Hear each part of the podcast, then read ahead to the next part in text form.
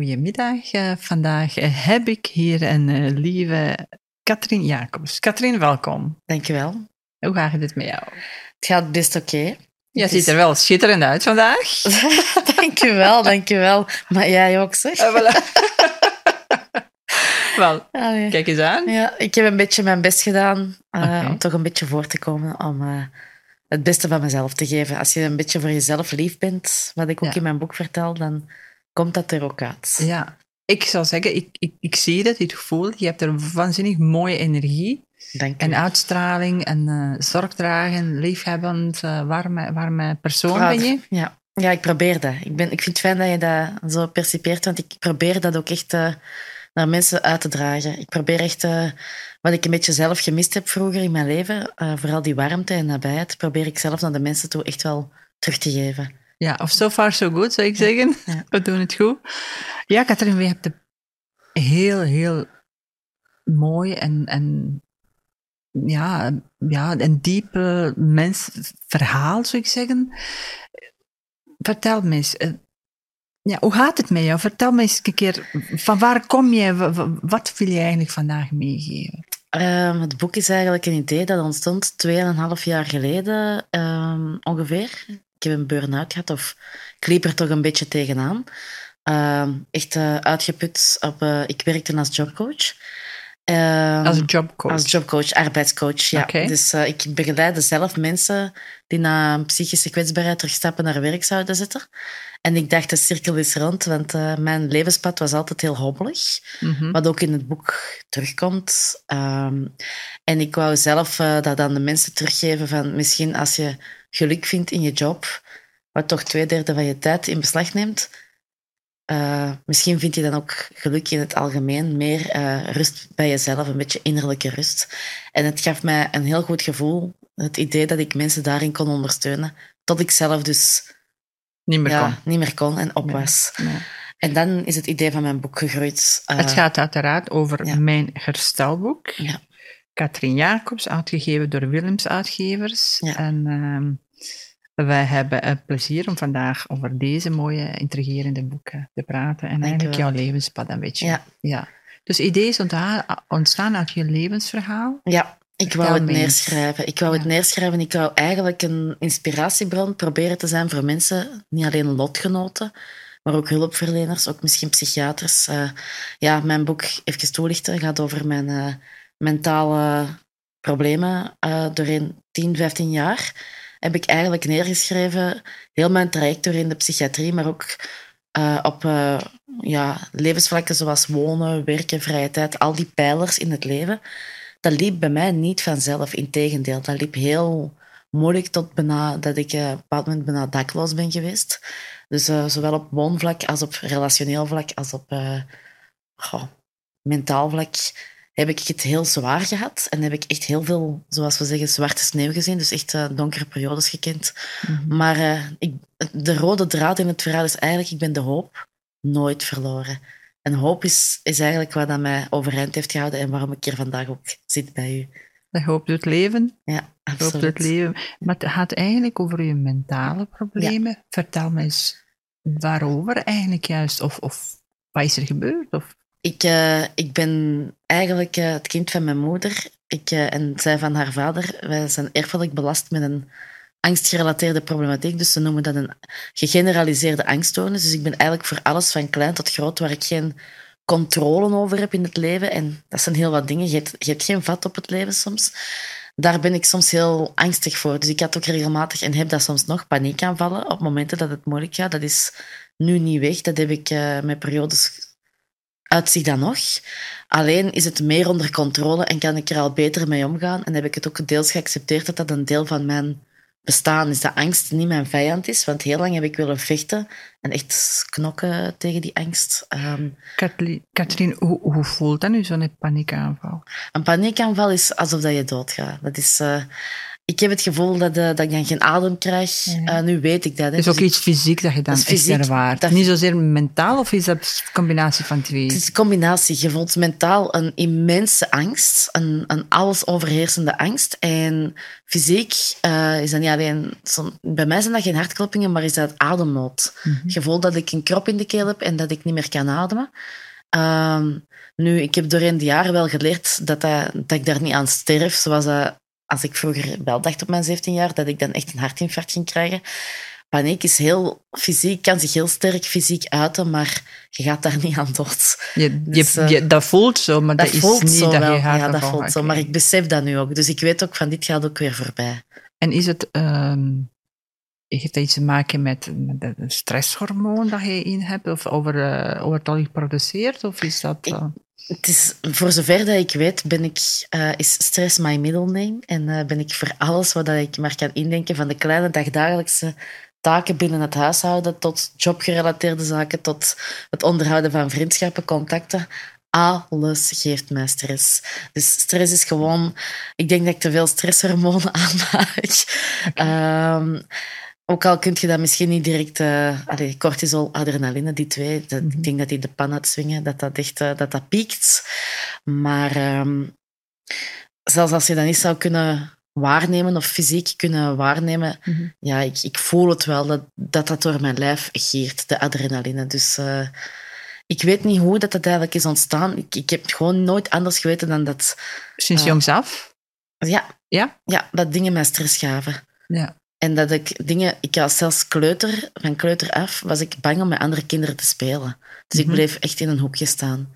En ook in het middelbaar, wat ook een stuk in het boek aan bod komt. Eh, want ik vertel ook wel een stuk van mijn ja, loopbaan, levensloop eigenlijk. Mhm. Ehm, waar dat ik eigenlijk al geconfronteerd werd met van niets gaat, niets gaat vanzelf voor mij. Niets ging vanzelf. Ehm, contact met leeftijdsgenoten was heel moeilijk. Ik was ook niet bepaald populair tussen ja, de, de leeftijdsgenoten. Ik, eh, ik was iemand die niet spreekt. En als je niet spreekt en je bent stil, dan laat ze je nogal snel links liggen. Ja. Ehm, ik werd niet echt gepest. Dat is misschien een geluk bij een ongeluk. Maar ik voelde mij heel eenzaam, ook als kind, want ik had niet echt vrienden. Dat is pas later met de hogeschoolperiode dat ik stil, eh, beetje bij beetje ben opengebloeid.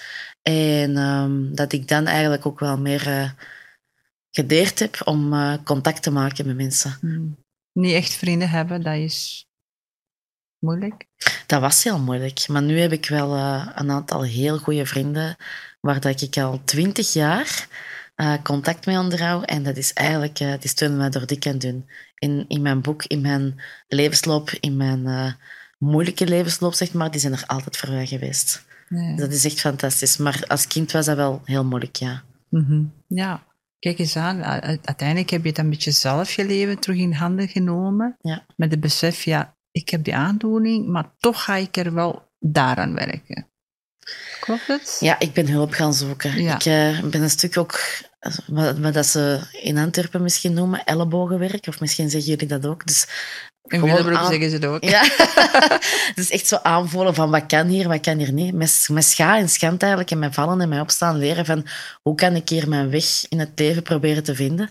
Hoe, hoe kan ik overeind blijven in deze wereld, mij staande houden? Hoe kan ik eh, in deze maatschappij mijn verhaal vormgeven? En omdat, eh, omdat het juist ook, ik zeg het, ehm, ook op relationeel vlak, dus vriendjes, ik heb wel vriendjes gehad, maar ik heb eigenlijk bewust de keuze gemaakt om geen relatie meer aan te gaan en single te blijven. Nooit Met- meer. Nooit meer. Maar- nee. dat is een heel bewuste keuze. Is Ja. dat niet een beetje vroeg op Ja, dat zeggen, er nog, dat zeggen nog mensen. Je bent veertig, je bent jong. Misschien Ja. verandert dat nog. En misschien is dat ook zo. Maar ik, soms wil ik zo bepaalde dingen echt bewust kunnen afsluiten. Omdat ik ook wel dan het gevoel heb dat dat een afgesloten hoofdstuk is. En dat dat mijn geest vrijmaakt. Is dat niet zo eh, dat ze zeggen, op het moment dat je niet meer zoekt, dan vind je het wel juist. Ja, maar ik zoek ook niet meer. leven. Hij is nog niet langsgekomen. nee, hij is nog niet langsgekomen. Ja. Maar goed, wie weet, eh, nu jouw boek uit is, eh ga je vriendenkring ook een beetje misschien verbreden. Dat klopt. Dat klopt. Ja. Ik praat heel gemakkelijk over mijn boek tegen als ik een koffie ga drinken, ik, ik zit momenteel thuis op, uh, ja, op ziekte. Door die burn-out ben ik nog niet terug aan de slag. Dus ik kan overdag wel eens een koffie gaan drinken. Wat doe ik dan? Ik ben geneigd om met mensen een babbeltje te maken. En vroeg of laat komt mijn boek daar te sprake. Mhm. Altijd, omdat ik gewoon ook zo enthousiast ben. Mensen vragen, wat doe je in het dagelijks leven? Die vraag komt vroeg of laat toch altijd. En dan zeg ik van, ja, kijk, ik heb een boek geschreven. En dan zeggen mensen, oh, dat is interessant, daar willen we meer over weten. En uh, zo is mijn Facebook stelselmatig aan het uitbreiden. Met nieuwe contacten met mensen die geboeid zijn door het verhaal, door mijn traject. Uh, er zijn ook mensen die zeggen van ik ga eens een kijkje nemen, maar ik zeg ook altijd vrijblijvend. Hè? Dat is, uh, ja. Maar ik ben iemand die heel graag een verhaal wil uitdragen. Ik wil mensen ook vertellen van kijk, het is geen schande om met mentale problemen te worstelen. Het is geen schande om uw weg in het leven een beetje ja, dat die wat hobbeliger is of dat je dat moeilijker je draai vindt in het, in het leven, in de maatschappij, zowel jobgerelateerd als op andere vlakken. Uh, maar uh, ik vertel er ook altijd opnieuw bij dat ik uh, geloof dat, dat, dat, dat, dat de toekomst een wit open blad kan zijn en dat, dat ik wel zie wat er op mijn pad komt. En dat ik, dat de dingen die op mijn pad komen ook als cadeau aanvaard. Voilà, dat is heel mooi gezegd, hè? de dingen die op mijn pad komen. Maar uiteindelijk zoals ik het nu zie, of ik realiseer me dat je hebt eh, een heel lange weg afgelegd van iemand die eigenlijk erfelijk ziek is. Ja. Kun je niet veel aan doen. Iemand die een beetje eenzaad was, uh, zonder vriendjes. En eigenlijk geplaagd wordt door een ziekte die niet zozeer zichtbaar is, maar vooral voelbaar is. Ja, klopt. Voor jezelf. Hè? Ja. En dan ga je nu in andere extreem, zou ik zeggen, naar uh, ja, ik ga alleen op pad en ik ga koffie drinken en ik knoop er gesprekken aan en ineens ben ik er socially waar. Klopt, maar daar zijn ook jaren, jaren over gegaan. Jaren over gegaan. Om, en um, blijkbaar ben ik wel iemand, mijn zus zegt altijd, dat is een talent. Dat is niet zo vanzelfsprekend dat je wildvreemde mensen kan aanspreken en kan vertellen over jouw verhaal. Nu, ik voel ook wel aan wanneer mensen daar geen behoefte aan hebben. Als mensen geen gesprek willen aanknoppen of daar geen zin in hebben, laat ik die ook gewoon en drink ik gewoon een koffietje op mezelf dat gaat altijd zo organisch, dat is zo vanzelf. Ik weet gewoon nog niet hoe dat, dat komt. Dat is, um, en is in een bepaalde plaatsen dat je zegt, ik ga er altijd daar koffie Ja, vaste koffiebar. En altijd ontdek ik nieuwe mensen. En, dat is waar ergens, als ze het mogen weten? De Cornel in Antwerpen is een koffiebar waar ik graag over spreek. Dat is een heel leuke koffiebar dicht bij Brouwerij de Koning in Antwerpen. En um, dat is een co-workspace. Daar heb ik ook mijn boek... Daar is mijn boek eigenlijk ook een mhm. beetje ontstaan. Okay. Uh, daar heb ik ook mijn eerste ontmoeting gehad met iemand die mij daarin gecoacht heeft. En daar heb ik ook... Um, ga, stukken geschreven aan mijn boek. Omdat dat mhm. ook niet alleen een koffiebar is, maar ook een coworkspace, een beetje okay. een ontmoetingsruimte. Dus uh, ja. heel fijne plaats. En, uh, ja, dus als ik het goed begrijp, heb je ook schrijverstalent. Voor zover dat mensen uh, daar zicht op hebben en als ik dat voor mezelf in een zekere onbescheiden mening mag uiten, blijkbaar heb ik wel een goede pen. Ik was er altijd heel onzeker over, maar ik denk uh, dat uitgeverij Willems nooit met mij in zee zou hebben willen gaan als er niks in zagen. Want dat is ook wat ze zeiden. Dus dat was voor mij echt een enorme cadeau. Want ik was eigenlijk heel onzeker en ik dacht, kan ik wel schrijven? Ik wou het heel graag. Ik heb nooit eerder um, zo de pen ter hand genomen. Dus dat is eigenlijk vrij nieuw voor mij. Ik heb ook geen journalistieke achtergrond. Um, maar je kunt het wel goed vertellen. Dat komt vlot uit. Dankjewel. Dat is waarschijnlijk wel een stuk de opvoeding. Want um, mijn ouders um, zijn zelf nogal vlotter taal. Um, nu, mijn vader is uh, Germanist, dus uh, leraar Nederlands-Duits. Dus dat is er eigenlijk nogal ingepeperd. En mijn moeder is iemand die ook, en mijn ouders hebben ook altijd toneel gespeeld en uh, die heeft ook dictie gedaan. Dus ik denk dat we het wel een beetje met de paplabel hebben meegekregen. Ja, denk ik ook, want jouw zus is ook een vlotte babbelaarster. Ja, absoluut. absoluut ja. en ook iemand die tekeningen heeft gemaakt voor ja. jouw boek, of cartoons. Ja, klopt. Vertel eens in. Mijn zus is iemand die werkt in de geestelijke gezondheidszorg. Die werkt in een mobiel crisisteam als psychiatrische verpleegkundige.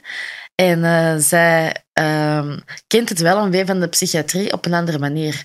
Zij zegt altijd, ik leef van de psychiatrie. En ik zeg ook altijd, ik leef ook van de psychiatrie. Dat is onze grap. Dat is onze... Het is een beetje uh, diepere. Hè? Ja, en wij zijn, uh, wij zijn tweelingzussen. Wij komen niet alleen heel goed Tweelingzus nog? Ja, wij zijn één eigen tweeling.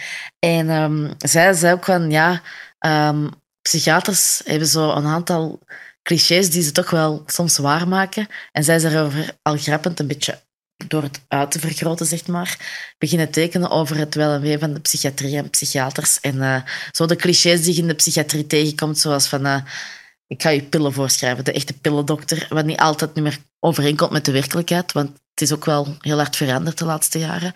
Uh, en ook dat komt deels in mijn boek naar voren, dat samen met mij de geestelijke gezondheidszorg ook een soort ja, paradigma-shift heeft doorgemaakt. Echt een, een, veranderingsproces heeft doorgemaakt en ook mee is gegroeid samen met mij. En dat, mhm. dat we dat een heel mooi, ja, een hele mooie parallel vonden. Eén eigen tweeling.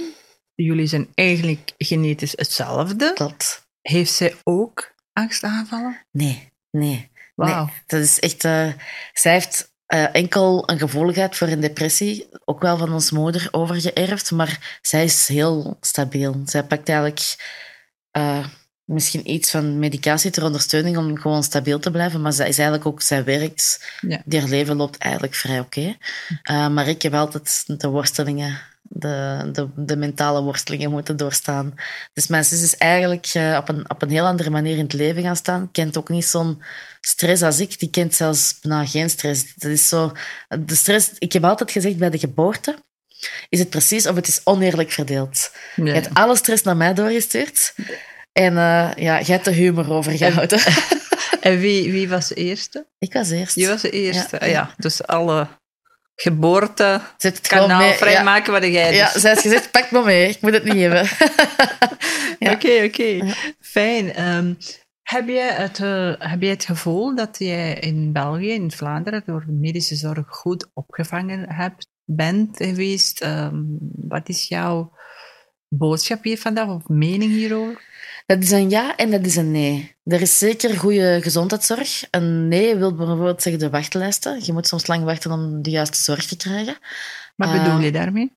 Uh, psychologen, psychiaters. Als je naar een centrum gaat of je gaat via ziekenhuis, heb je direct zorg. Maar als je echt een psycholoog zoekt, privé, de betaalbaarheid ook, maar ook de, de klik die je moet hebben met een psycholoog om echt een goede therapeutische relatie op te bouwen, dan moet je zelf eigenlijk een psycholoog kunnen kiezen er is zoveel vraag naar uh, psychische ondersteuning dat er wachtlijsten zijn. In, en vooral in dat, net in die centra, je moet daar tot uh, een half jaar tot een jaar soms wachten voordat je hulp krijgt. Dat is echt lang. En misschien dus, op eerste gesprek gaat bij de Dat eerste gesprek is direct. Ja. En dan ga, het ging uiteindelijk altijd binnen de drie, vier maanden had ik wel een psycholoog. Okay. Maar het enige nadeel, ook al doen die mensen hun job met hart en ziel, was dat ik niet altijd die klik dermate voelde om te zeggen wanneer wil ik het traject verder zetten. En dat is iets heel persoonlijk. Ik kan niet zeggen dat die hun werk slecht deden, absoluut niet. Maar een klik is iets dat je niet... Dat is gewoon, dat moet gevoelsmatig... Moet je op eenzelfde golflengte zitten en moet je Um, ik heb bijvoorbeeld graag een psycholoog die veel feedback geeft. Als ik dan een psycholoog heb die vooral luistert, achteroverloopt en mij laat vertellen, dan zeg ik nee, dat gaat voor mij niet. Dus die manier van klik bedoel ik. Ja. Terwijl dat, die, dat dat een even degelijke, opgeleide psycholoog is als iemand anders. Maar wat voor mij werkt, werkt daarom misschien niet voor jou of voor een ander.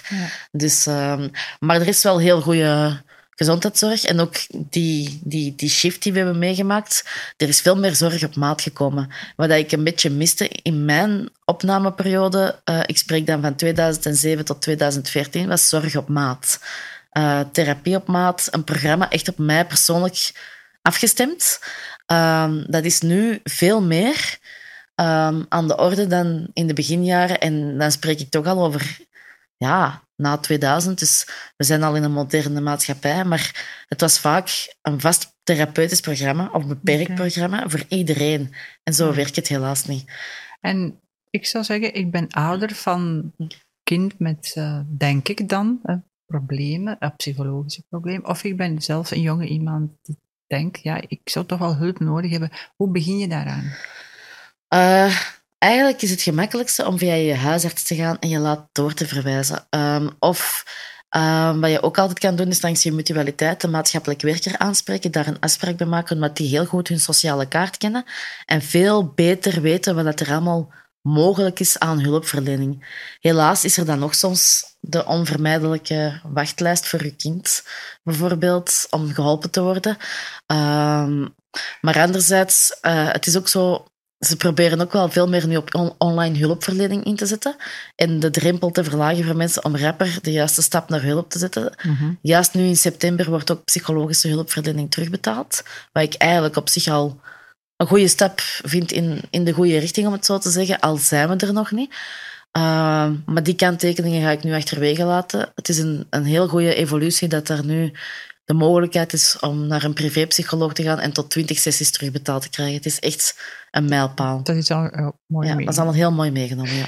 Je hebt psychologen en psychiaters. Ja. Wat is voor u het verschil en wat zou jij aanraden? Of? Als je echt uh, gespreksondersteuning hebt, er zijn psychiaters dat dat doen, maar psychiaters doen voornamelijk medicamenteuze ondersteuning, uh, vooral opvolging. Dat kan heel cruciaal zijn, zoals bij mij. Ik pak heel wat medicatie. Ik ben er ook 35 kilo door bijgekomen. Ook daar lach ik een beetje mee in mijn boek. In de zin van, er is een... Ik heb ook cursiefjes geschreven. Mm -hmm. En dan um, lach ik eigenlijk met het feit dat mensen soms denken dat ik... Sorry dat ik het zeg, zwanger ben. Ja. En um, ja, ik dacht, ik kan er maar beter ermee lachen dan ermee wenen. Ja. Dat is mijn instelling. Beter het, half, het glas half vol zien dan half leeg.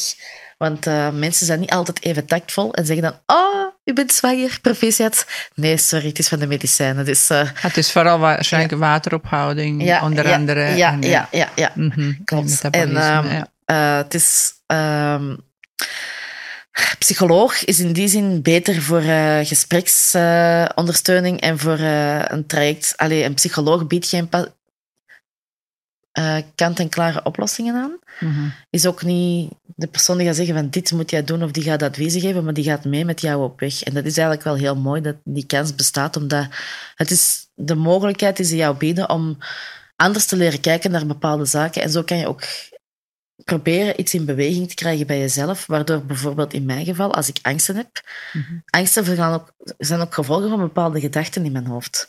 En die gedachten kan ik wel veranderen. En die gevoelens gaan dan misschien op termijn ook veranderen. En zo kan ik meer rust vinden in mezelf. En dat is voor mensen ook uh, een, een mooi gegeven dat die mogelijkheid bestaat. En je moet je vooral ook niet schamen, denk ik dan, om de stap naar een psycholoog te zetten. Ik begrijp voor mensen dat die drempel groot kan zijn. Maar eigenlijk zouden we, net zoals een gebroken been, even goed over geestelijke gezondheidszorg moeten kunnen praten als zijnde van ik ga naar een psycholoog, prima. Mm -hmm. Hoe oud was je toen, toen je eerste keer... Uh... 17 jaar. 17 jaar. Ja. En was het toen op eigen initiatief? Was ja. je moeder die zei, kom... Nee, eigen initiatief. Mijn ouders hebben wel, mm, wel gezegd van oké, okay, we denken wel dat dat zinvol is. Maar ik heb vooral zelf de stap naar een psycholoog, naar een centrum dus. Uh, een centrum voor geestelijke gezondheid, uh, de stap gezet. En dat was voor mij toen ook nog echt wel taboe. Ik was er eigenlijk ook wel heel zenuwachtig om, want ik stond voor die deur van dat centrum en ik dacht, iedereen zie dat ik hier voor een deur van een centrum sta waar ik naar de psycholoog ga. Wat gaan ze wel niet van mij denken? Maar doorheen de jaren heb ik dat losgelaten. Je, toen had je misschien een beetje schaamte? Of? Ja, de eerste keer was ja. er bij mij even goed schaamte. Dus ik begrijp heel goed dat mensen een drempel voelen. Ja. Dat is er vaak in het begin wel, maar als je dan ervaart dat dat, dat, dat klikt en dat dat losloopt en dat dat eigenlijk eigenlijk heel veel mensen, net zoals jij en ik, je ziet het niet aan de buitenkant, soms ook met worstelingen, mentale worstelingen leven. Dat dat eigenlijk of onzekerheid. Absoluut. Ja. Het hoeft niet altijd psychische ziekte te zijn of een mentale ziekte. Dat kan, allee, het kan ook gewoon zijn dat je in je relatie niet lekker in je vel zit. Ik zeg nu maar iets, een partnerrelatie, dat je zegt, ik wil toch eens te raden gaan bij een psycholoog, kan even goed. Ja. Dus dat kan eigenlijk heel breed gezien worden. Ja. Je zegt op een bepaald moment tegen mij, ik vind of ik vond mijn plek in de maatschappij niet. Um, ja, en dat is eigenlijk nog steeds zo. Is dat zo? Want ja. dat zou ik nu toch niet zeggen. Want je bent een druk bezette iemand, je schrijft een boek, je komt op interview, je vertelt vlot. Ik ben niet druk bezet. okay. Dat lijkt alleen Kom maar zo. Ja, dat lijkt alleen maar zo. Ik ben momenteel nog heel erg aan het herstellen van uh, de vermoeidheid. En ik moet heel vaak gewoon onder de wol kruipen, dus in mijn bed kruipen om een beetje te rusten omdat mijn lichaam heel vaak zegt van, het is genoeg geweest. Je bent, je bent, je bent op en je moet eigenlijk nog bijtanken. Maar die, die vermoeidheid is nog zo aanwezig in mijn leven dat ik denk dat ik daar nog niet voldoende in hersteld ben. Maar ik geloof ook wel dat daar ja, progressie in kan zijn en dat dat ook wel met de tijd gaat beteren. Dus het feit dat ik nu dat boek heb geschreven, dat was geen fulltime bezigheid, maar ik ben wel heel blij dat ik dat gedaan heb, want dat heeft veel van mij gevraagd. Uh, het feit dat ik daarover kom spreken, dat is wel inderdaad Een beetje therapeutisch ook geweest? Absoluut, maar ook een eerste stap in de richting van mijn herstel. Het feit dat ik terug die stap zet om echt voor een camera of voor, voor u mijn verhaal kan vertellen, dat is de eerste keer nu dat ik dat terug doe sinds dat ik eigenlijk ben uitgevallen. Ik ga ook wel lezingen geven, uh, omdat ik eigenlijk normaal geen problemen heb om voor groepen te spreken. Maar die eerste keer is nu wel terug super spannend hoor. Dus het is even omdat je eruit bent, dat het heel moeilijk is om die stap terug te zetten. Katrien, je beseft dat dit eigenlijk een prachtige verhaal is. Verhaal van, van zou zeggen, vallen en opstaan, bij u was redelijk moeilijk en je bent erop gestaan. Dat is een verhaal van hoop.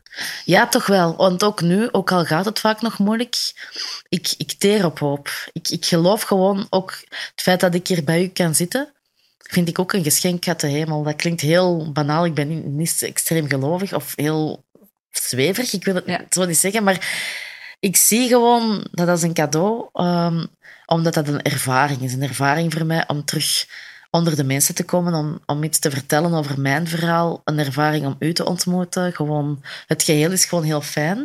Um, maar ook gewoon, um, ja, dat geeft mij ook hoop. Dit geeft mij hoop dat, dat, het, dat ik wel de kracht kan vinden om die moed bijeen te verzamelen en toch gewoon ook die lezingen te gaan geven en op termijn misschien vrijwilligerswerk stelselmatig terug op te bouwen ik geloof altijd dat het glas half vol is. En ook als ik slechte dagen heb en ik voel paniek opkomen, dan denk ik, dit gaat ook weer voorbij. Zelfs op de momenten, ik wil dat echt wel zeggen. Um, ik heb je dat ook eerder verteld, als ik uh, in, in, in mijn leven suicidaal was en dus dacht van, ik wil niet meer leven. Zelfs dan was er een puntje van licht dat ik zag, een, een, een sprankeltje hoop dat mij vertelde van, jij wilt wel leven, je hebt een enorme levensles, Katrien, jij wilt gewoon niet op deze manier verder. Jij wilt gewoon een ander leven leiden, een leven dat meer aansluit bij uw mogelijkheden, bij wat, dat, wat dat bij mij goed voelt. En dat is een hele zoektocht en misschien moet ik daar nog wel wat in puzzelen, maar, dat is oké. En wel, dat is ook oké, uiteraard. En ik vind het ook heel... Uh, ik ben ook dankbaar dat je daar ook over wil uh, praten, over die, de zelfmoordneigingen, die... Ja meestal gewoon een resultaat van chemische onevenwicht in onze hersenen. En niet zozeer van persoon zelf. Nee. Maar op het moment zelf weet je het niet. Nee, dat is, dat, je raakt als het ware in een roes. En ik denk ook wel dat er dan stoffen in je hersenen, in een soort disbalans inderdaad zijn, die ervoor, die ervoor zorgen dat je zegt van, error, hier, hier gaat het niet meer. Dat is heel beangstigend. Maar dan moet je op tijd een stond aan de bel trekken. Dat is toch wat ik heb gedaan. En, en geloven dat er wel echt hulp mogelijk is. Hulp durven vragen, erover praten, praten, praten. Ik denk dit wel echt een uh, heel belangrijk boodschap is, ook naar alle mensen, maar ook vooral naar jonge mensen. Ja. Die het al dan niet door de ziekte, uh, je hebt ook mensen met ziekte van Lyme, die in vermoeidheid geraken en hun leven verliezen. Ja. En ja, dan is het kortslaat, dat zijn die weg, 17, 18 jaar. Of leeftijd maakt eigenlijk geen verschil, of wat dan ook. Het kan een banale ontsteking zijn. Klopt. En je zit in die balans in je hersenen en het is snel gebeurd. Hè? Ja, het is snel gebeurd. Ik heb zelf gedacht dat ik een ziekte van Lyme had, omdat ik heel lang niet kon verklaren waar die vermoeidheid bij mij zo vandaan kwam. Maar bij mij is het blijkbaar echt gewoon mentale uitputting. Mijn hoofd staat nooit stil. Ik blijf denken. en ook wel fysieke uitputting. Ik heb ook jaren over mijn eigen limieten gegaan. Maar een ziekte van Lyme bijvoorbeeld is ook wel voor mensen die, die daarmee geconfronteerd worden een moeilijke om te accepteren. Maar ergens kan je ook leren leven met, met die vermoeidheid en met de, de, beperkingen. Want je moet eigenlijk kijken naar wat gaat er wel niet, naar wat er niet gaat. Ja. Er gaat misschien heel veel niet. Bij mij gaat er momenteel ook nog heel veel niet. Maar er zijn ook dingen die wel gaan. En die probeer ik echt vast te houden. Ja, ah, kijk eens aan, dat is heel mooi. En ik heb ook zoiets aan, als ik u vandaag zie, je bent dan een sprankelende vrouw en zoveel bruisende energie. En ik besef ook dat de meeste mensen zien eindresultaat of een stukje van de goede, positieve stuk. Al de rest niet. Maar toch wel eventjes uh, van mijn kant een chapeau voor uh, Katrien, want you do it. Jij doet het telkens opnieuw. Jij zit hier vandaag. Jij hebt die trein moeten nemen naar hier komen en, en beslissen en een boek schrijven en al dat werk. En uh, jij bent zo voor mij een ongelooflijk voorbeeld van hoopgevend iemand. Ik denk ook dat uh, veel mensen zich gaan kunnen optrekken aan uw verhaal. Dank u. Dat je dat met zoveel moed hebt kunnen vandaag vertellen. Ja, um, wat ik eigenlijk gewoon nog vraag, je, je gaat op een bepaald moment schrijf je over verbindende communicatie, van Ja. dwang tot verbindende communicatie. Wat, wat betekent dat juist? Ah, ja. Wat bedoel je daarmee? Ja. Goh, in de psychiatrie heb je echt dwangmaatregelen, bijvoorbeeld fixatie en ehm, isola- isolatie. Daar heb ik zelf geen ervaring mee. Zachte dwang is voor mij zijn dwangmaatregelen in de zin van dat ze bijvoorbeeld een bepaalde therapie opleggen of eh, een bepaald medicijn toch verplichten te nemen. Eh, zulke voorbeelden. En eigenlijk wou ik binnen de geestelijke gezondheidszorg zeggen van je kan ook in de plaats van dingen op te leggen of te verplichten naar je cliënt toe, in communicatie treden met eh, mensen en, en ehm, eigenlijk in verbinding te gaan met de cliënt en samen, ze noemen dat eh, shared decision making. Een mooi woord om te zeggen van we nemen samen het Oh, besluit van... English is improving. dat, is een, dat is een term vanuit de geestelijke Ja, gezondheidszorg waarbij dat ze zeggen van de autonomie ligt bij de cliënt en we nemen samen een besluit over wat jij nodig hebt hier en nu. Dus we gaan je een beetje pushen in de Ja, juiste en niet meer richting. pushen. En niet meer, niet meer pushen, maar gewoon stimuleren, ja, verplichten, nee.